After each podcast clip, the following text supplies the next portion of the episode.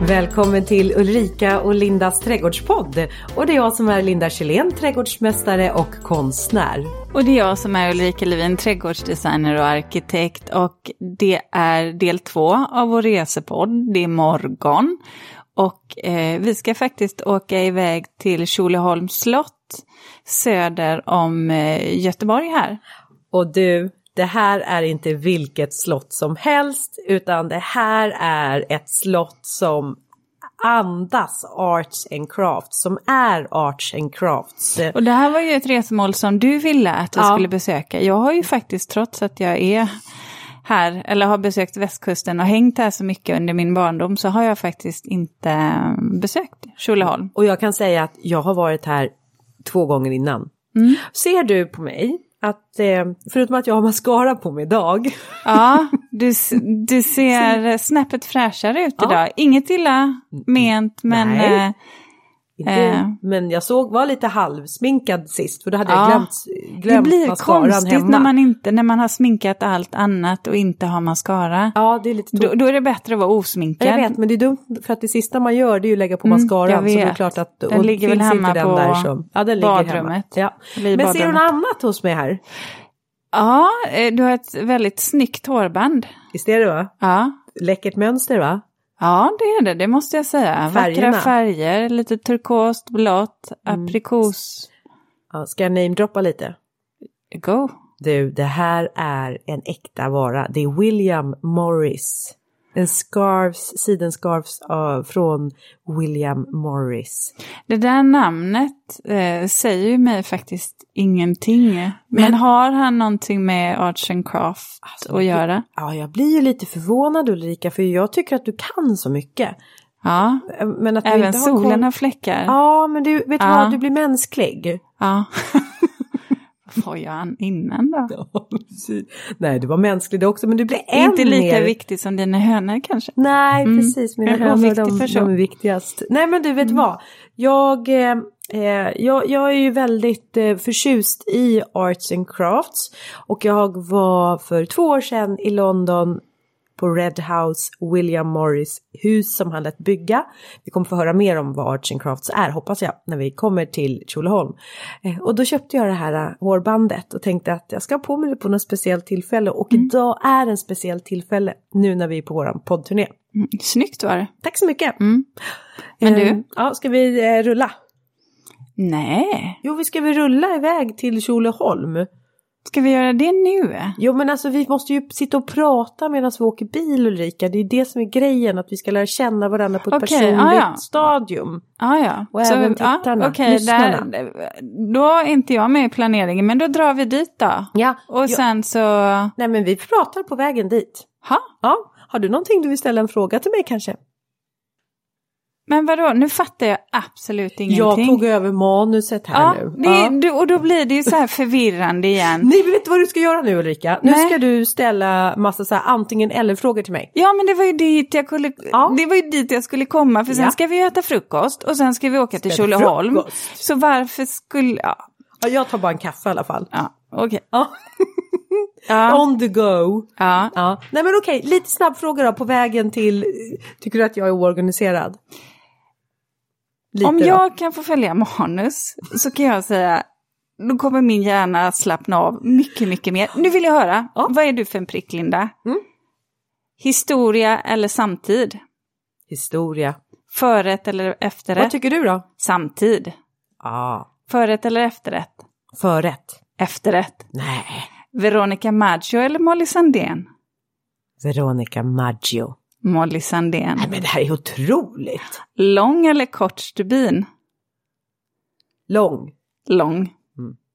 Brunch eller afternoon tea? Afternoon tea with clotted cream and scones. Brunch, brunch, brunch, brunch. Brunch. Every time. Nej, det är amerikanskt.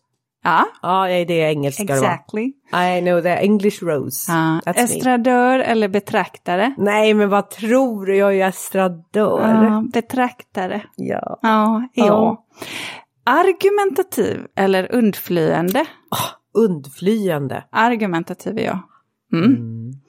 Prata om en konflikt, det vill säga konfrontera eller dra sig undan och låta det blåsa över. Hmm, den var knepig. Där skulle jag faktiskt säga så här. Det beror på hur allvarligt jag tycker att det är. För jag kan tycka att saker som är viktiga vi måste få en förändring, det måste vi argumentera mot och man måste sätta stopp. Men saker som egentligen, oh, i långa loppet, mm, det kan sabba mer än vad det egentligen gör skillnad. Jag behöver inte alltid ha rätt, då, jag, då låter jag det vara. Mm. Och prata kan jag tycka är bra för att jag är ofantligt dålig på att läsa tankar. Oh, mm. ja, ja. Mm. Eh, pensel eller penna? Pensel. Pennkjol eller linnebyxor? Linnebyxor. Fast Pen... pennkjol har ju varit mitt forna jag. Ja, pennkjol säger jag. Nej, nej, nej. Ja. Eh, snabb eller långsam? Ah, Okej, okay, men då måste jag förklara för jag skulle nog säga att jag är snabb men väldigt många eh. skulle säga att jag är långsam. Men det är för att jag gör så väldigt mycket saker och emellan att jag gör alla dessa saker så himla snabbt så fastnar jag i dagdrömmeri. Jag fascineras till exempel mm. av att Ester får hundfnatt på gräsmattan. Och då måste jag stå och titta Men på det. Handlar, förlåt, det handlar inte om det. För Nej. jag kan bara säga så här att det här har jag faktiskt lagt märke till. För vi har ändå åkt till olika ställen. Ja. Jag går in och ur bilen ja. snabbt. Med dig så står jag kanske, jag kan stå mellan fem och tio minuter innan vi ens har kommit från bakluckan. Det är helt obegripligt. Jag förstår inte vad som händer. Och sen tar det snigeltempo tills dess att vi har nått dit. Så att swoosh så har en halvtimme försvunnit. Har du tänkt på det? Ja, jag har faktiskt tänkt på det. Och jag har faktiskt bara konstaterat att jag tycker det är lite, lite jobbigt. Ja, för jag är snabb. Jag tycker ja, jag måste inte organisera om... mig när jag kliver ut och jag ska hitta min mobiltelefon som har trillat ner mellan sätet och eh, jag ska samla ihop skräp som har blivit under resan, en kaffekopp, något papper ja, här. Och, eh, och så måste jag leta reda på vad har jag, jag menar, alltså, det är mycket. Och det, ja, men som, som, som betraktare så kan jag bara konstatera att eh, den där processen är, mm. är vissa, vissa delar i oh. resan med dig är ju, du det, här, är som ett långt maratonlopp. Du vet, här kommer jag sprinten och tror att det ska vara, av, att det ska vara avklarat på nolltid. Och sen så inser jag att fy fan, här kommer man få hänga i. ja, men så är jag också så här lite velig. Ska jag ta med mig koftan eller ska jag låta den vara? Hmm. Ska jag ta solhatten eller ska jag ta den ljusa solhatten eller den mörka solhatten? Allt beror ju på. Ska solen skina? Ljus solhatt? Ska det vara mulet? Mörk solhatt? Men då kanske jag inte ens behöver solhatten. Och du vet alla de här besluten jag ska ta, de tar lite tid. Ja, för mm. mig går det väldigt snabbt. Ja, okej. Okay. Jag är det långsam. Mm. Ja. Vet du vad, det tycker jag. jag fattar, jag fattar. Okej. Okay. men, mm. men är du en risk? Eh, alltså en människa som ska ta risker, riskbenägen? Um, Ja, jag, min man är nog mer riskbenägen men jag bromsar inte honom. Och i och med det så skulle man väl kunna säga att jag är hyfsat riskbenägen. Jag kan tycka jag blir lite gäspig om man inte satsar. Mm. Och, så ja, jag skulle nog säga att jag är riskbenägen. Jag tycker att det är härlig energi i det. Jag har fått jobba bort en del av det. Har du? Faktiskt. Ja. För att du har gått på typ vadå, smällar? Jo, men det har jag gjort och det, det är någonstans tror jag man får köpa ifall man har den, den typen av eh, personlighet. Men eh, eh, ja, och, och det, det, det är någonstans, det får jag köpa. Men, men jag kan också känna att ehm, ibland eh, så, så kan jag uppleva att jag har, har blivit lite tillbakahållen och så samtidigt så kan jag någonstans också vara otroligt tacksam eh, när det gäller det här och framförallt då eh, att min mamma kanske höll tillbaka mig lite. Eh, jag har ju beskyddande. Vad sa du? Som för att hon var beskyddande? Nej men jag tror någonstans att hon, den här eh, viljan att göra saker eller impulsiviteten, det här med att den här okuvliga tron på att jag alltid klarar saker och ting. Eh, jag, jag tror att det ibland var bra att hon bara bromsade. Min mamma har aldrig bromsat mig. Hon har bara sagt du kan, du kan. Ja, jag har alltid haft en så stark eh, tro på mig själv, att jag kan. Men ibland så kanske jag inte alltid har tänkt igenom vilka konsekvenserna blir. Och, och det, det kan jag känna att det har jag faktiskt, den förmågan har jag fått arbeta upp. Eh, och det tror jag jag faktiskt behöver ha för att kunna balansera. Kommer inte det också mycket med att när man blir förälder, för att då handlar det inte om bara konsekvenser som kanske drabbar mig, eh, utan också de konsekvenser som kan drabba familjen och barnen. Så är det ju. Mm. Så är det ju. Och då blir det ett helt annat tänk. Då får man, en helt, man får ett helt annat typ av ansvar. Mm. Men äh, ja, men samtidigt så, så ångrar jag. Jag ångrade inte alltid heller för att det har ju också gjort att jag har vågat göra saker som, som vem som helst hade sagt att det där går ju inte Ulrika. Får jag fråga dig en helt annan fråga då? Nu jobbar du och jag, vi har jobbat väldigt eh, mycket under den här våren. Men när du har en ledig dag, hur ser en perfekt ledig dag ut för Ulrika Levin? Mm. Då skulle jag vilja säga att den var, är fri från tider. Oh, ja. Helt fri. Check på den. Ja, jag vill inte ha några måsten. Då vill jag kunna göra vad andan faller, alltså vad som faller mig inne. När jag vill. Och då kan det handla om att eh, ha ett seriemaraton, även om det är väldigt sällan det sker. Men då, jag, jag vill framförallt vara fri från tid, jag vill kunna äta när jag vill. Eh, om jag vill kunna ha de här tillvaron tillsammans med min man, eh, också med mina barn, men också med mig själv, kanske med kompisar. Jag vill bara vara. Eh, sommartid så är det här jätteviktigt för mig. Eh, ofta då att jag får komma ner till havet. Eh, och så sätter jag på mig flipflop för att du vet i flipflop så måste jag gå långsamt. Annars snubblar du. eller? Jag, jag, eller jag kan inte gå snabbt i det. Och eftersom jag gör allt annat så himla snabbt i livet annars. Men du, flipflop och pennkjol, det kanske vore någonting, en bra kombo för ja, att gå långsamt. Alltså det och sen kurvig stig. Ja, det funkar jättebra för mig. Ja, ja. okej. Okay, det ja, kan vara jag... ganska snyggt också. Ja, ja, casual liksom på ett sätt. Men du, eh, jag håller med dig där, inga tider. Det, det är faktiskt ja, så sant. Det är en sån sak som jag tänker på. Men när vi ändå pratar om det där med, med, ehm, med livet en har levt, en fråga som jag ofta funderar på, som jag hör andra människor svara på, eh, det är ju det här när någon ställer frågan om du kunde, skulle du göra no, alltså skulle du vilja göra något ogjort i ditt liv, det vill säga ångrar du något? Och då menar inte jag att du ska Nej, behöva berätta vad, vad det är, utan snarare själva frågan. Om du skulle kunna göra något annorlunda, hade du då gjort det i ditt liv? Mm. Oh, ja, mm. Eh, kanske vissa delar, men i det stora hela, alltså de stora penseldragen har jag ändå gjort. eh, och haft, de har liksom haft betydelse för mig. Det kanske är så här att jag hade kanske kunnat skissa upp livet lite, eh, ah, kanske inte så spretigt utan mera så här distinkt.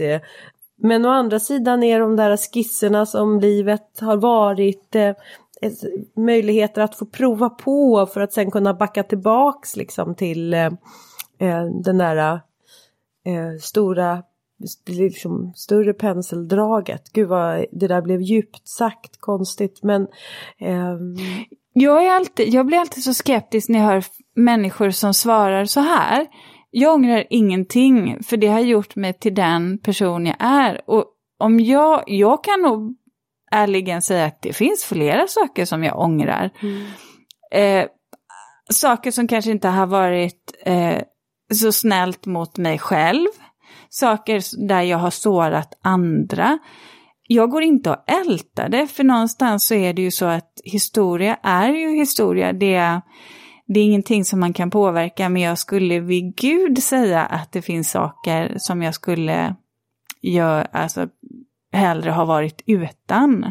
Sjukdomar, alltså sådana saker. Det är klart man inte... Fast det har ju inte varit ett val. Nej, men ändå. Alltså att om man, just där när man säger att man inte ångrar någonting. För att det har tagit en dit man är just där och då. Jag vet inte. Jag, jag, jag blir alltid väldigt skeptisk eh, när, när någon uttrycker sig så.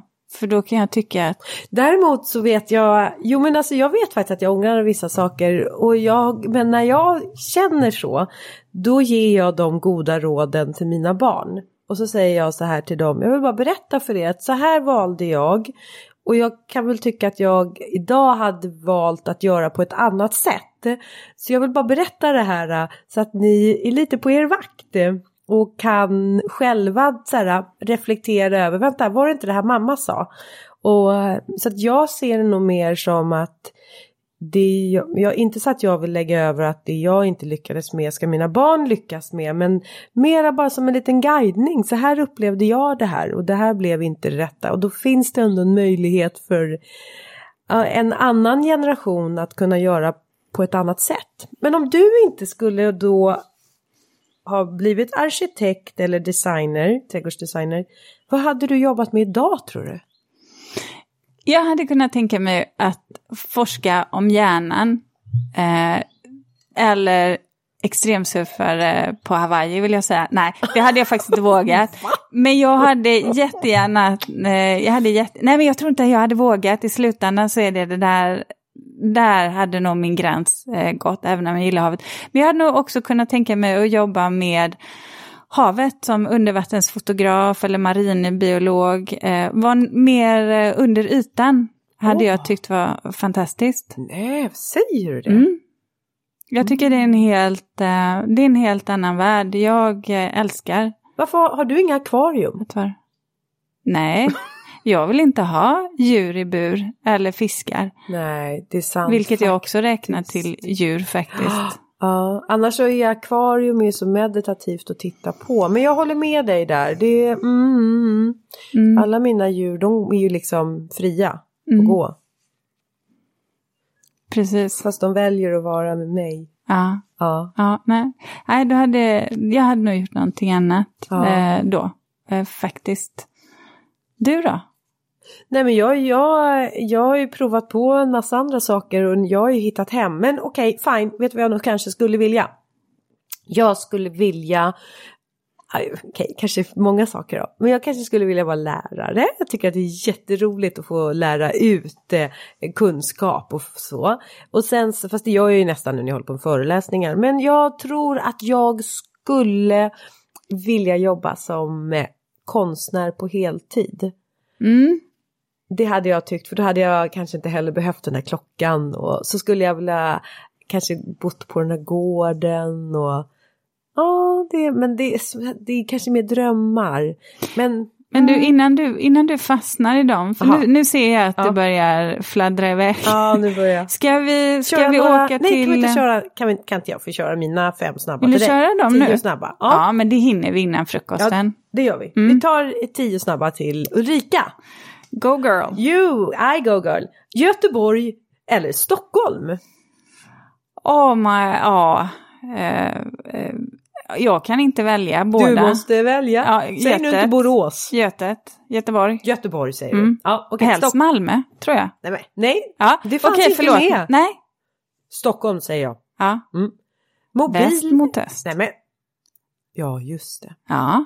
Mobil eller dator? Eh, dator. Mobil säger jag. Och här du Ulrika, nu ska du få ta ställning. Kantnepeta eller steppsalvia? Steppsalvia. Ja, jag fattar nästan det för att Mm. det, den är lite mer distinkt och stilren. Jag säger kantnepeta. Humla eller fjäril? Humla. Ja, det gör jag också. Um, orkidé eller pelargon? Orkidé. Pelargon säger jag. Tapet eller målade väggar? Eh, målade väggar. Tapet. Att ge eller ta emot? Ge. Att ge. Att ge. Resa eller vara hemma? Resa. Vara hemma. Drink eller vin? Drink. Mm, jag säger nog vin. Espresso eller bryggkaffe? Bryggkaffe.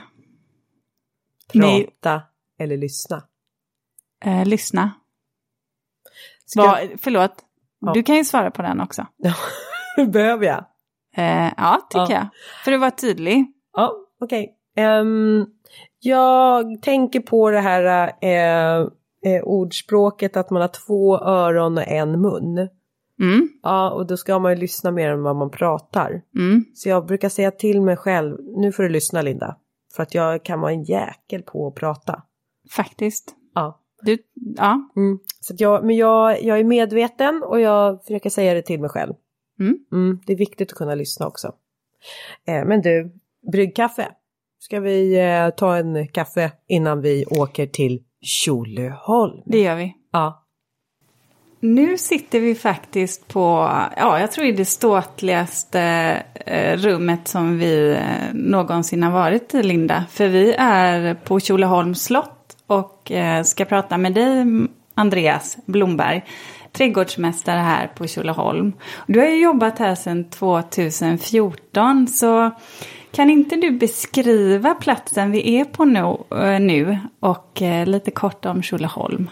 Absolut. Um, ja, vi är ju på ett gods uh, med ett slott och en, en by uh, som är, det är en Art and Crafts anläggning helt enkelt. Så det här är ju en, um, en trädgård som inte är en halländsk trädgård utan är mer en engelsk trädgård. Fast ändå ska komma ihop med naturen i, i den halländska naturen. Så det är liksom en, en eh, utmaning. Men eh, ja, Men det kännetecknar väl också Arts and Crafts-stilen. Att eh, naturen och den anlagda trädgården och huset ska bilda som en helhet. ja men precis det stämmer. Och ehm, liksom natur, huset ska kännas som det har bara släppts ner i naturen. Och eh, trädgården ska hämta inspiration från naturen. Så man liksom får en fin eh, följ, följ, följsamhet där emellan. Mm. För jag, jag, till skillnad från Linda så har ju jag egentligen eh, ingen koppling till Arts and Craft. Så att jag tyckte att det var väldigt spännande när du berättade om, om rörelsen. För det här är någonting som kom från England, eller hur? Från ja, början. Precis. Mm. Det här, ja, det här är ju liksom i slutet av 1800-talet. Just vårt slott det är 1904 som det står klart. Och Arts and Crafts-rörelsen den grundas ju i slutet av 1800-talet i England. Och det är bland annat William Morris är ju en av grundarna. Han med tapeterna brukar man få säga. Eh, som eh, de vänder sig mot industrialismen. Och tycker liksom att det är en skitig process. Det är liksom folk flyttar in från landet för att bo i städerna. Städerna växer och naturen försvinner liksom längre. Det blir liksom längre bort till naturen. Och hantverket försvinner. Kunskapen om hantverket. Det är ju maskiner som gör sakerna. Och det vill de ju komma åt. De vill tillbaks till detta. Och tittar på 1500-talet och 1600-talet. Det är liksom inspirationen. Som en motrörelse egentligen då. Ja, en liten konservativ motrörelse. Ja, absolut. Ja.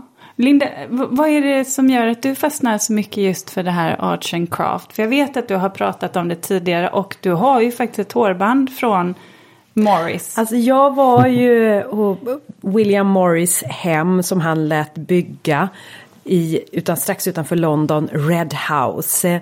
Och då köpte jag bland annat det här hårbandet som är då eh, en mönster från honom. Så jag har faktiskt klätt upp mig idag. För jag tänkte att det här kommer vara ett härligt möte. Och jag ska säga att jag är väldigt berörd av att fått den här guidningen av dig som vi precis just nu har gjort ute i trädgården. För jag känner mig faktiskt som hemma här på slottet. Nej men i trädgården och hur ni har tänkt. Du sa någonting som jag bara, det här är jag. När vi stod här nedanför, då sa du så här, utanför den här rabatten så ska man ungefär känna som att man har vänt ryggen mot rabatten när man har planterat och sen har man bara kastat in växterna bakom Ja, sig. precis. Och där de hamnar, där planterar man dem. Och det spelar ingen roll om det är högt eh, längst fram och lägre längst bak utan det ska vara vilt. Men samtidigt så pekade du ut ett buxbomsklot och sa att det här formklipper ju vi också så att vi får en struktur. Så för mig handlar det om att eh, det vilda möter ändå det, form, det är liksom strukturen och, och lite ordning och reda. Men att naturen får vara en sån viktig del. Absolut, och det är ju liksom det är ju en av grund, grunderna till art and Crafts. Eh, att naturen är med. Och just det här med hantverket. Att det är ju liksom en kontrast man hela tiden jobbar med. Och som jag, då var vi ju väldigt nära slottet. Så då ville vi ju ha med de här formklippta eh, buxbomploten som det var där. Och när vi gick längre ifrån slottet så var det vildare och utan formklippt. Ja, för det sa du, det tänkte jag på att, att när vi stod, när vi kommer nära slottet, nära byggnaden, då, då är det lite stramare, det är lite mer arkitektoniskt och det är mer definierat och då hade vi stentrappor till exempel. Men så sa det att om vi hade kommit eh, längre ut i trädgården, mer mot naturen, ja då kanske det hade varit mer naturligt att övergå eh, till en slänt till exempel. Så att det är som att man tog ett suddgum och suddade ut gränserna lite. Det blir mer eh, flytande ju längre ut från, från slottet som vi kom. Och, och det är ju genomgående Ja, men i hela miljön. För det är Ja. ju en väldigt fantastisk miljö att vara i. Jag förstår inte att jag kan ha missat det här slottet. Jag insåg att jag varit här på picknick en gång, men då tror jag att mitt fokus låg någon annanstans. Ja, jag fick faktiskt övertala eller övertyga dig om att vi skulle besöka Tjolöholm. Ulrika var lite så här. Vad, vad är det? Vad vad ska vi åka, varför ska vi åka dit? Jag bara, men Ulrika, vi gör det. Och då så eh, fick vi ge och ta och då fick Ulrika Gunnebo Ja. med köksträdgård där man jobbar väldigt noggrant med eh, mått i rabatterna. Eh, och man planterar eh, tre planter på rad. Och sen så fick vi då komma hit där man kastar in växterna Ja, i det är rabatten. skillnad på de två anläggningarna och Gunnebo är ju våra kompisar. Så att det, Ja. Jag, jag ångrar mig inte. Jag kan säga att jag tycker det är helt fantastiskt. Och någonting som du beskrev det här med Arts and Craft som jag tyckte om. Det är ju det här att man jobbar mycket med perenner. Och kanske mindre med, med sommarblommor. Kan inte du beskriva, Jo. vad är tänket där? Jo, men det var ju så att de här gubbarna får man väl säga, det var ju främst män i den här Arts and Crafts-rörelsen. Och eh, de vände sig emot det rådande trädgårdsidealet i slutet av 1800-talet. Och det var ju de här viktorianska trädgårdarna med broderirabatter och eh, exotiska växter och med sommarblommor som man liksom bytte ut flera gånger per säsong och, och bar jord. Och det här ville de ju inte. Och då, de ville ju ha perenner. De ville att det skulle vara enkelt. William Robinson är ju en av eh, trädgårdsfäderna till Arts and Crafts-rörelsen kan man säga. Han var ju mycket för vilda trädgårdar. Och han säger till exempel att bästa sättet att eh, jordförbättra en jord det är att plantera en växt som funkar i den jorden. Klart slut. Klokt. Väldigt Klokt. Ja. Men eh, trädgårdsrevolution på slutet av 1800-talet, det var ju liksom galet. Så eh, vi ska ju inte använda sommarblommor så lite som möjligt utan perenner i våra rabatter. Så det gör vi ju fullt ut liksom. Det är perennerrabatter. Ja, för ni har ju lite olika tankar kring dem också. Vi pratade om, vad var det du kallade den? Den, den blåa rabatten där vi, när man kommer ner mot vattnet. För, att, för er lyssnare kan jag ju bara beskriva att man har ju utsikt över havet. Ja. Ja, och samtidigt som man då åt andra sidan är, är omgiven av eh, stora lövträd. Så det är väldigt, väldigt vackert. Det måste man ju säga. Och då sa du att en av era rabatter eh, som är då med vin ner mot vattnet. Där hade ni bara blåa nyanser. Ja, precis. Och det var för en koppling till havet. Ja, det stämmer. himlen. Ja. Himlen och havet. Det är liksom, havet blir den snabbaste kopplingen eftersom havet är så. Det är ju verkligen havet, man, när man är i trädgården är ju havet där också. Så eh, den blåa rabatten för ju, speglar ju havet. Men sen är det ju familjen Dixon, deras vapen är ett bevingat hjärta. Och deras valspråk är upp mot himmelen. Så det är därför det ska vara himmelsrabatten. Och då går ju hela rabatten hela säsongen i blå toner. Och där, där tittade vi och då såg vi att det växte ju då. Det var ju steppsalvia kantnepeta. Isop som är på väg och ska börja blomma. Silvermarton.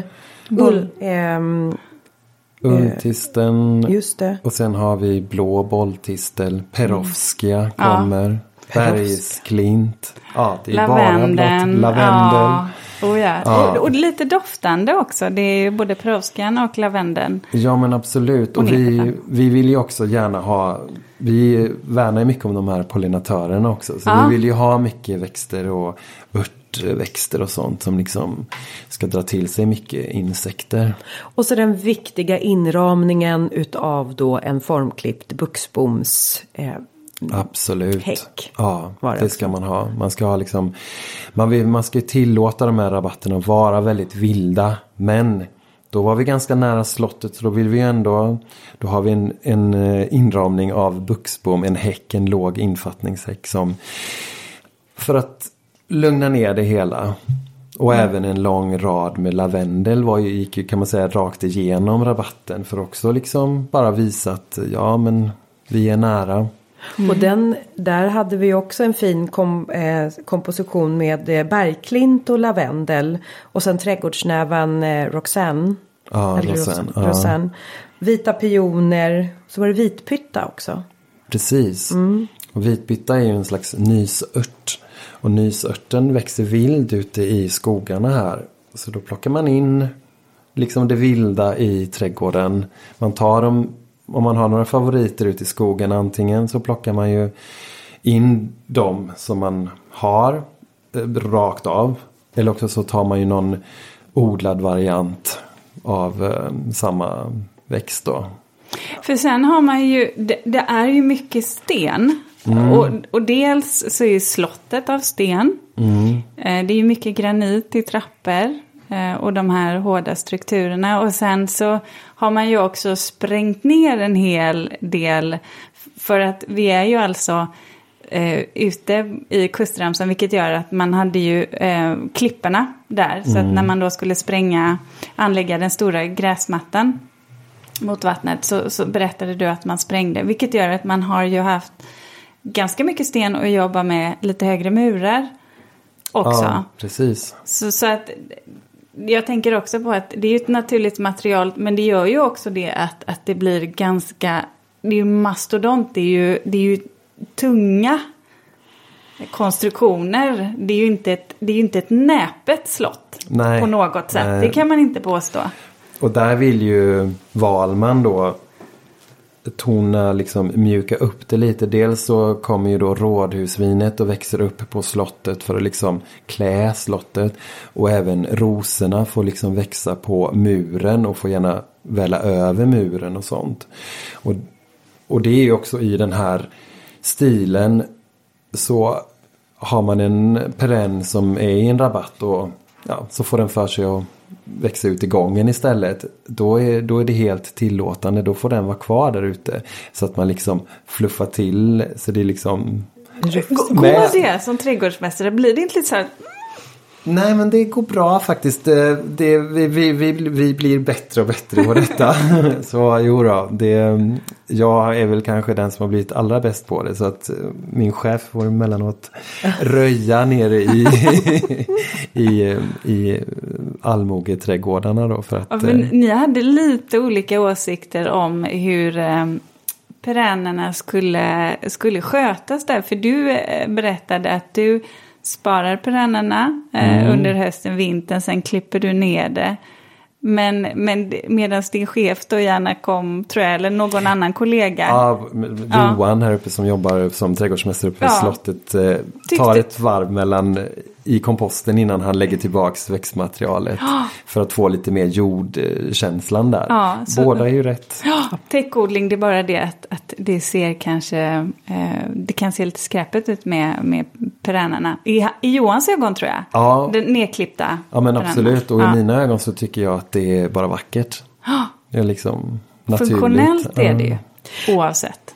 Om man tittar på um, hur man har byggt upp trädgården så tycker jag att vi har sett mycket symbolik. Mm. Eh, med allt ifrån, vi hade eh, den här guden Jan, Janus som var ja, övergångens gud. Mm. Och då var det övergången då mellan då slottet ut till naturen och så står han där då som en skulptur. Precis. Och så har man då byggt upp det här rummet då mm. utifrån. Och sen eh, och, och på det viset så har man då skapat vad jag förstår då de här rummen här. Ja men absolut. Och nedanför har vi ju då Yggdrasil, liksom livets källa. Och då är vi i den nordiska mytologin. Så att det är, är många olika det är många olika trädgårdsrum här. Och de får liksom spela sina egna stories eller liksom de har ju och vi pendlar ju från en köksträdgård eh, som aldrig blev en köksträdgård men eh, till en knutträdgård. Vi hoppar i 1600-tal och liksom. Mm. Och knutträdgård, kan inte du beskriva vad är det? För det, då är vi renässans. Ja men precis. En knutträdgård det är liksom man använder ett häckmaterial som man planterar i ett mönster. Eh, och sen när man har planterat det då klipper man det så att det ser ut som att vissa, vad ska man säga, vissa delar går rakt igenom, vissa häckar går rakt igenom varandra och vissa går över varandra. Och det här är ju liksom, de brukar inte vara högre än 30 centimeter, något, så det är ju liksom låga.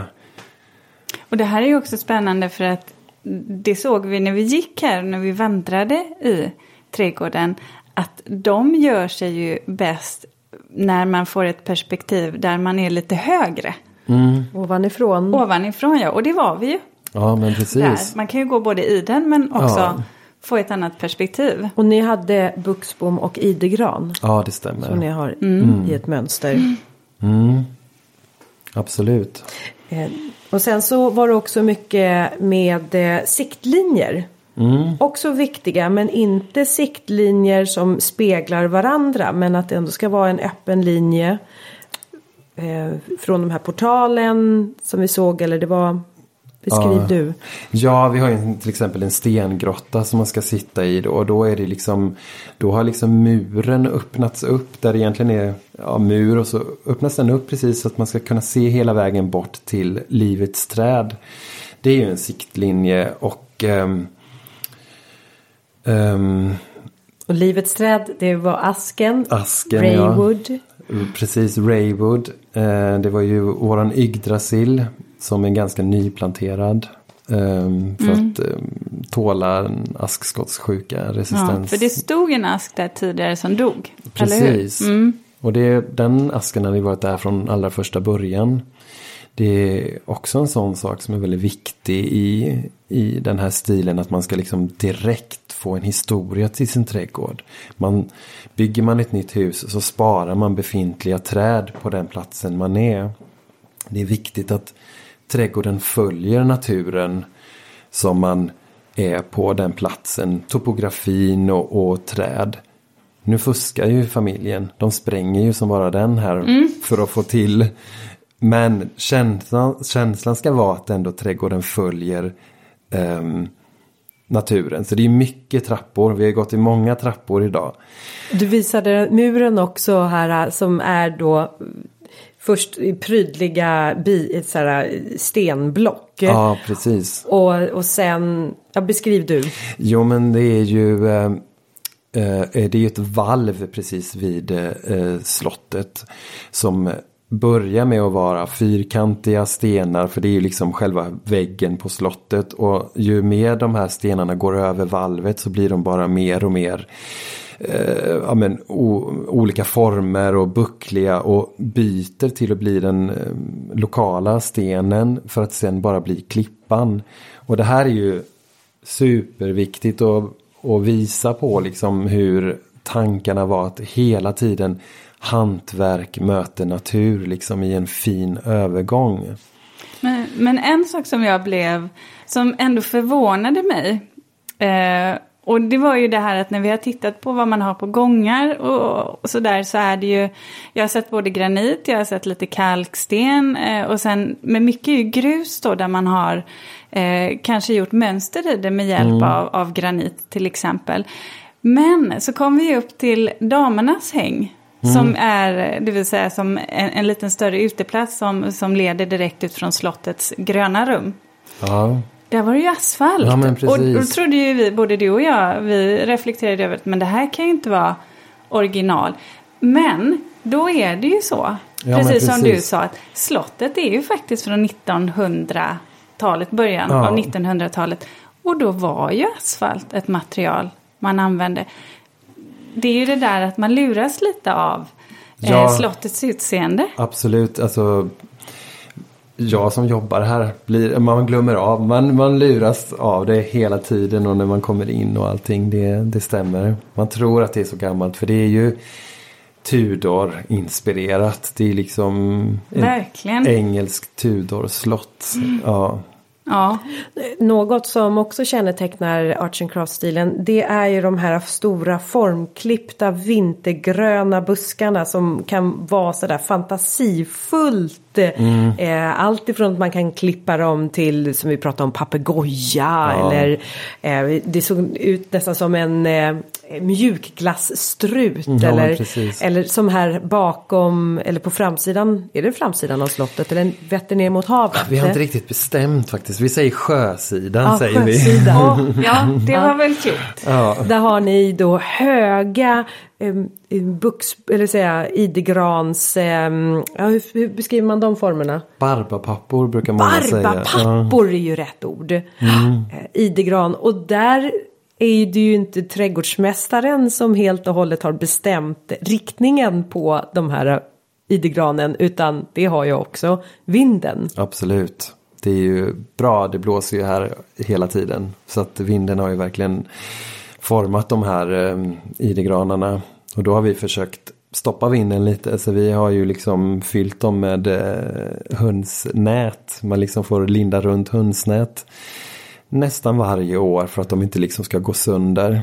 Så det är liksom både, Som både en armering. Ja men precis, det är verkligen lager på lager på lager med hundsnät. Jag kan tänka mig att det blir ganska häftiga skuggspel utav eh, de här idegrans barbapapporna. Mm. Alltså både i månskenet. Ja. Men också då på en solig sommardag och där ser jag den här hur Arts and Crafts leker också med fantasin. Mm. Och att eh, det är inte bara det du ser utan också det som då solljuset hjälper till eller månskenet hjälper till att Men. skapa, målar. Nu blev jag ju jättesugen på att åka hit på, på natten. Ja, men det lät ju helt fantastiskt. Mm. För att det är ju som sagt, oh, gud jag tjatar om den där vin och jag älskar ju havet. Mm. Men det är ju en spektakulär vy, det är ju som en tavla. Där man står och så tittar ut mot sjösidan då. Det var det faktiskt. Och det är ju det som du också pratade om, Andreas, det här med en lånad vy. Ja, absolut. Det är ju det man, man vill tar. åt. Ja. ja. Och det ser man ju faktiskt även på, på andra ställen när man tittar på, eh, när man står i andra delar av trädgården, att man ändå får den här kopplingen till naturen. Den, den lever ju med genom eh, hela trädgården. Men någonting som jag var lite, undrade lite över när vi, när vi pratade om, om barbapapporna det var ju det här med idegranen där. När det blåser så mycket, får ni, eh, får ni frostskador om det blir en kall vinter? Eller täcker ni dem på något sätt? Eller? Nej, de står där de står. Ja. Och eh, det har inte varit någon fara så med dem. De Nej. har klarat sig bra. De just vi har, de är från 40-talet.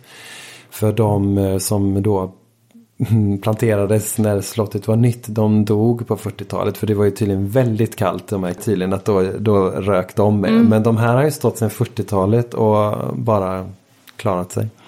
Eh, men när ni, om jag förstod det rätt så har ni restaurerat upp trädgården ifrån att det då var mycket sommarblommor och, och även eh, rabatter som eh, var, var liksom tapets, det var tapetserar, ja, tapet, ja, broderirabatter. ja. ja. Men har, har ni gjort nu en då förändring med mm. just att mera perenner. Men då anlitade ni, och ni tog in hjälp.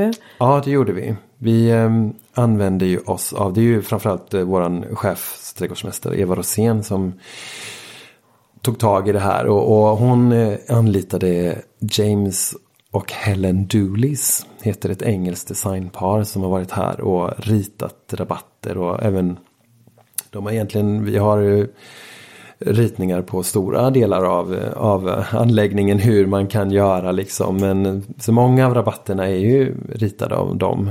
Och de har gjort ett fantastiskt jobb får man ju säga. De är ju väldigt duktiga på just arts and crafts. Och eh, engelsmän, bara det, de har det i blodet liksom. Det är ju den engelska trädgården vi vill åt. Och ni har även en rosengång. Mm.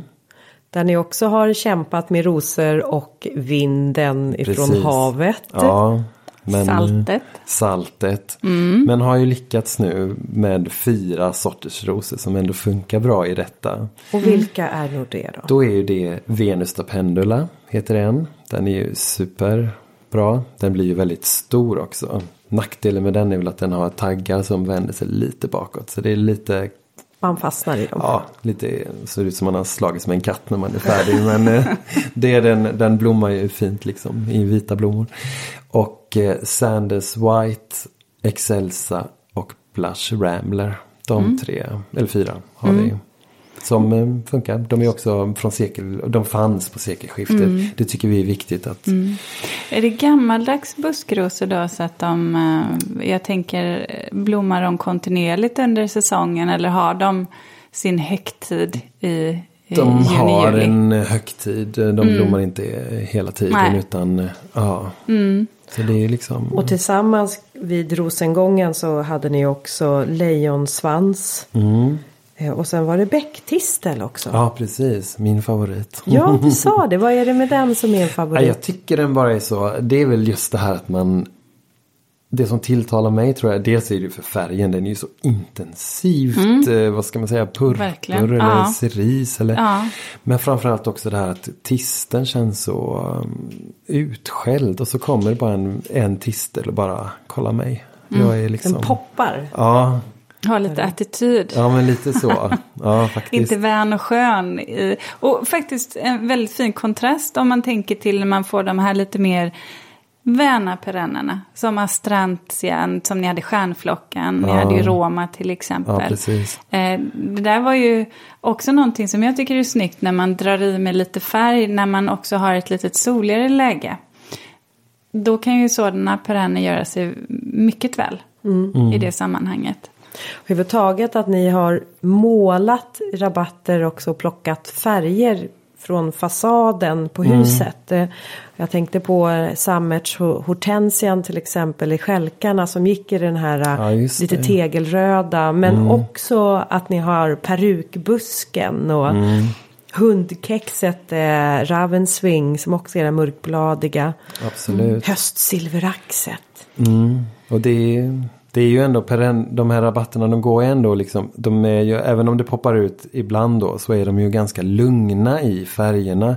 Det är ju också en sak i den här rörelsen att man ändå skulle ha lite liksom, det är inte det här galna färgerna eh, som det var viktorianska med de här sommarblommorna då utan man vill ju lugna ner det lite. Och, och det, ibland i den engelska trädgårdsstilen så är det ju verkligen alla färger på en gång. Mm. Det är ju kan ju vara, eh, för en sån som mig i alla fall, eh, jag kan ju uppleva det som lite stressigt. Ja, alltså precis. stressande för ögat, för ingenting får ta plats och allt tar plats mm. samtidigt. Det blir lite rörigt. Så jag tyckte också om att, att det var eh, att det var homogent på något sätt. Mm. Även om det var ganska yvigt måste jag säga. Det är ju, det är ju struktur men i planteringen är det yvigt. Och, och perenner en masse. Det ska ju verkligen vara tätt sa du. Att det ska inte Precis. finnas ogräs. Och i eh, er emellan. engelska park eh, en masse, där kan vi väl ändå säga Ja. att ni har eh, slagit på absolut. stort. Jo, jo, precis. Där har vi ju, eller vi hade i alla fall, nu vet jag inte, kan jag inte säga antalet, men vi planterade 20 000 bluebells, engelska klockhyacinter, de lökarna. Så att eh, där gick vi på stort. När blommar de? Om man nu vill se den här blomningen. Ja, men de blommar ju då i maj. Så att det är typ slutet av maj, sam, absolut samtidigt med maskrosorna. När det börjar blomma maskrosor då är bluebellsen på gång också. Finns det någon tid, Andreas, som du tänker så här att, åh, vet ni vad, om ni ska besöka Tjolöholm, kom hit då. Det är ju en bra fråga. Den där får jag ganska ofta. Och det är Ja. så svårt att svara på såklart när man är hemma blind. För bara, men det är ju bra då och då och då. Men vi... Du får satt- nämna tre tillfällen. Ja, du behöver inte... Jag kan nämna två då. Ja. Eller två och en halv. Ja. det är ju nu framförallt. Nu Ja. är det ju väldigt fint. Och nu befinner vi oss i slutet på juni. Ja men precis. När det är vi spelar liksom- in det här. Ja. Det, och sen är det ju, vi satsar mycket på lökväxter. Och det är ju liksom att trädgården ska spilla ut i naturen också. Så vi planterar ju så här lite grilla, planterar lökväxter runt om på godset. Och vi har några trädgårdsmästare eller något som har gjort det här innan oss. För att mitt ute i skogen finns en stor lök, eh, krokusdal som vi inte vet. L- långt ut i skogen liksom. Vid en av stigarna. Och vad, vad är vi då i? Är det april? Då är det ju, ja men då är det ju typ, ehm, ja men april, mars, april där. Ja. Men lökarna, för vi har mycket lök. Och även i rabatter och sånt. Så det är väldigt fint att komma då. Sen så är ju jag då som jobbar nere i Almoge byn där vi har mycket grönsaker och den typen av rabatter. Att komma i augusti när det prunkar om grönsaker och liksom morötterna står i, raden och samtidigt så står det liksom, ehm, vad heter de? Ehm, ros... Rosenskära? Nej. Nej, högre. Nu ska vi se. Som är ut med huskanterna. Nu tappar jag det helt. Stockros? Stockros. Ja. Ja, men stockrosorna står eh, och blommar för fullt och allt. Det är också en fantastisk tid. Men, och du pratade om eh, Blanche som är då slottsfrun. Precis. Ja, och när hon fyllde år så önskade hon sig aldrig några smycken utan hon önskade sig nya Stigar. stigar som kunde leda henne ut i parken. Mm. Ja men precis. Det är ju som en, en sån stig som den här Krokusdalen ligger i då. Så det är ju Godset ligger ute på en halvö som är ganska stor. Och skogarna är fyllda av stigar med trappor och allting. Och med stora ekar och sånt. Så att man går ju liksom som i Sagan om ringen känns det lite. Det är, en, det är verkligen en sagomiljö här ute. Ja men det är det. Det kan, jag, det kan jag skriva under på. Och Jag tänker att den är ju väldigt välkomnande. Eh, gynnsam för, för många.